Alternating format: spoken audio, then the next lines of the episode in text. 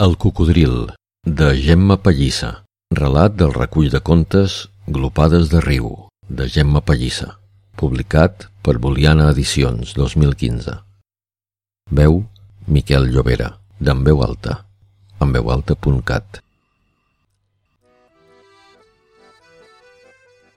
Van arribar al poble un dia abans de la festa major.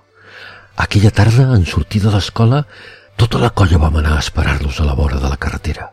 Jo patia perquè no portava gaires diners i sabia que només en tindria prou per pagar una volta als cavallets. Després tots s'oblidarien de mi. Com que trigaven, un dels grans es va acostar al cap de les cases. Quan vam sentir els xiulets, vam saber que els havia vist. De seguida van acudir. Portaven un camió més que l'any passat. Era una barraca de tir. Els menuts estàvem embadalits amb la comitiva. Exaltats, vam arrambar-nos per deixar-los passar. Sempre s'instal·laven a la placeta del costat de la font. Algunes nits havia vist com els fills s'hi rentaven. A vegades venien a saltar el matalàs inflable a nosaltres, però els cavallets no hi pujaven mai quan hi havia gent. Em penso que el poble no hi tenien amics. Tot i que venien cada any, els pares ens havien advertit contra els gitanos. Deien que prenien els xiquets que feien parlar i que se'ls enduien ben amagats dins de la caravana. L'any següent eren un o dos més, però de tan morens no els hauríem reconegut. Amb tot, no sabíem de ningú que hagués desaparegut d'aquella manera. Però va arribar el dia de Sant Miquel i van fer una crida. La vespre, Joan no havia tornat a casa. Havien escorcollat els horts sense trobar-ne cap rastre. Els gitanos seguien allí, neguitosos.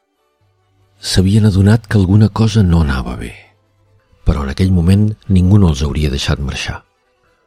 Ens van prohibir anar a la placeta i tenir-hi cap mena de contacte. Sons fills es van passar el dia girant, despreocupats, a la que hauria d'haver estat l'atracció principal. Nosaltres els observàvem amb enveja des de l'altra banda de la carretera. Aquella nit vaig plorar. Era una barreja de pena i de por. Només havia pujat una vegada als cavallets i ja veia que no repetirien totes les festes. Aquell havia de ser el meu dia. Els iaios em solien donar una propina el dia de Sant Miquel perquè me la gastés a la fira. Aleshores podia passar la tarda sencera amb la resta, embriagat de felicitat. Quan es feia tard, el cap em rodava de tantes voltes i seguia fent-ho fins que m'adormia en un son tranquil. Però aquell any no hi hauria res de tot allò, perquè Joan no tornaria. M'angoniejava que deixessin de sospitar dels gitanos i endevinessin què havia passat realment. No volia que el descobrissin. Era l'únic amic de debò que em quedava. La tarda del dia abans havíem esperat, impacients, que acabessin de muntar la parada. Abans que traguessin la taquilla, ja fèiem cua davant del lloc on sabíem que la posarien. Ells somreien satisfets. Quan finalment va estar tot, vam comprar les fitxes. Jo premia la meua ben endins del puny perquè els altres no veiessin que només en tenia una. No penso que els enganyés. Jo mateix sabia que Joan no se'n podia permetre més d'un parell. Així que, quan es va acabar el meu viatge, vaig esperar-lo assegut al marge de la font. Els altres feien veure que era invisible i evitaven saludar-me cada cop que els cavallets passaven per davant meu. Després del segon torn vaig baixar amb Joan al parc. Les rialles se sentien cada cop més apagades, però jo encara necessitava allunyar-me'n més. Hauria donat el que fos per una altra volta als cavallets, per seguir amb la colla durant aquells minuts i sentir l'aire colpejant-me la cara i aixecar la mà com si m'acomiadés de tothom i cridar amb la resta fins que no em quedés veu. Però no podia. Vaig proposar a Joan caminar fins a la sud i nedar una estona. Encara feia bo. S'hi va apuntar de seguida. Vam parlar tot el camí. Frisàvem perquè arribés l'endemà. Ell em va dir que volia comprar petards a la barraca nova i que un de la quinta de l'últim curs li acompanyaria. Jo somiejava en el dia que nosaltres seríem els grans i podríem guanyar prou perquè no ens haguéssim de quedar tots sols mai més. No vam trigar a arribar-hi. No hi havia ningú. Tothom estava al poble acabant els preparatius.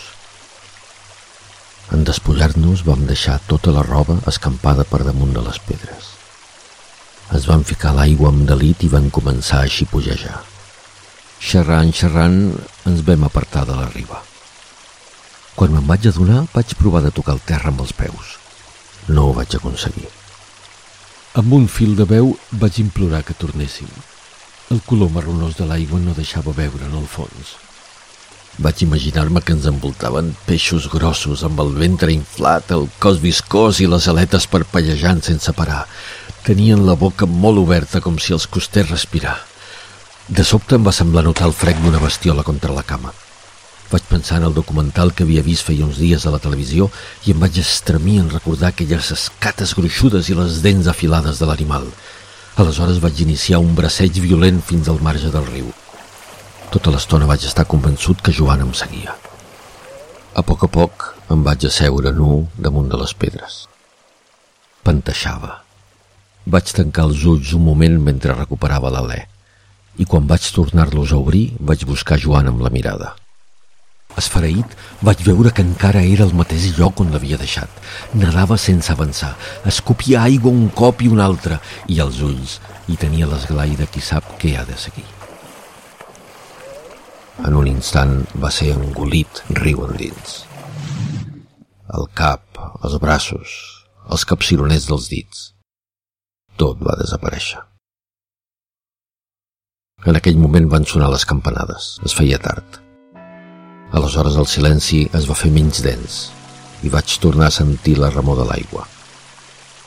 Vaig fixar-hi la mirada, coent, i de sobte una imatge es va obrir pas dins del meu cap. Era allà dins i a mi no m'havia fet cap mal. Ja no tenia por. L'havia de protegir com no ho havia sabut fer amb Joan. Seria el meu nou amic i l'aniria a veure cada dia en sortir de l'escola. De mi no calia que s'amagués. Abans de marxar vaig tornar a entrar a l'aigua, ara amb la roba de Joan en braços, sense perdre peu en cap moment. La vaig enfonsar amb unes pedres grosses perquè no sortís a la superfície ni se l'endugués al corrent. Seria el nostre secret. Si algú hagués sospitat que vivia al riu, l'haurien matat. Però no havia de patir per res. No tornaria a estar sol.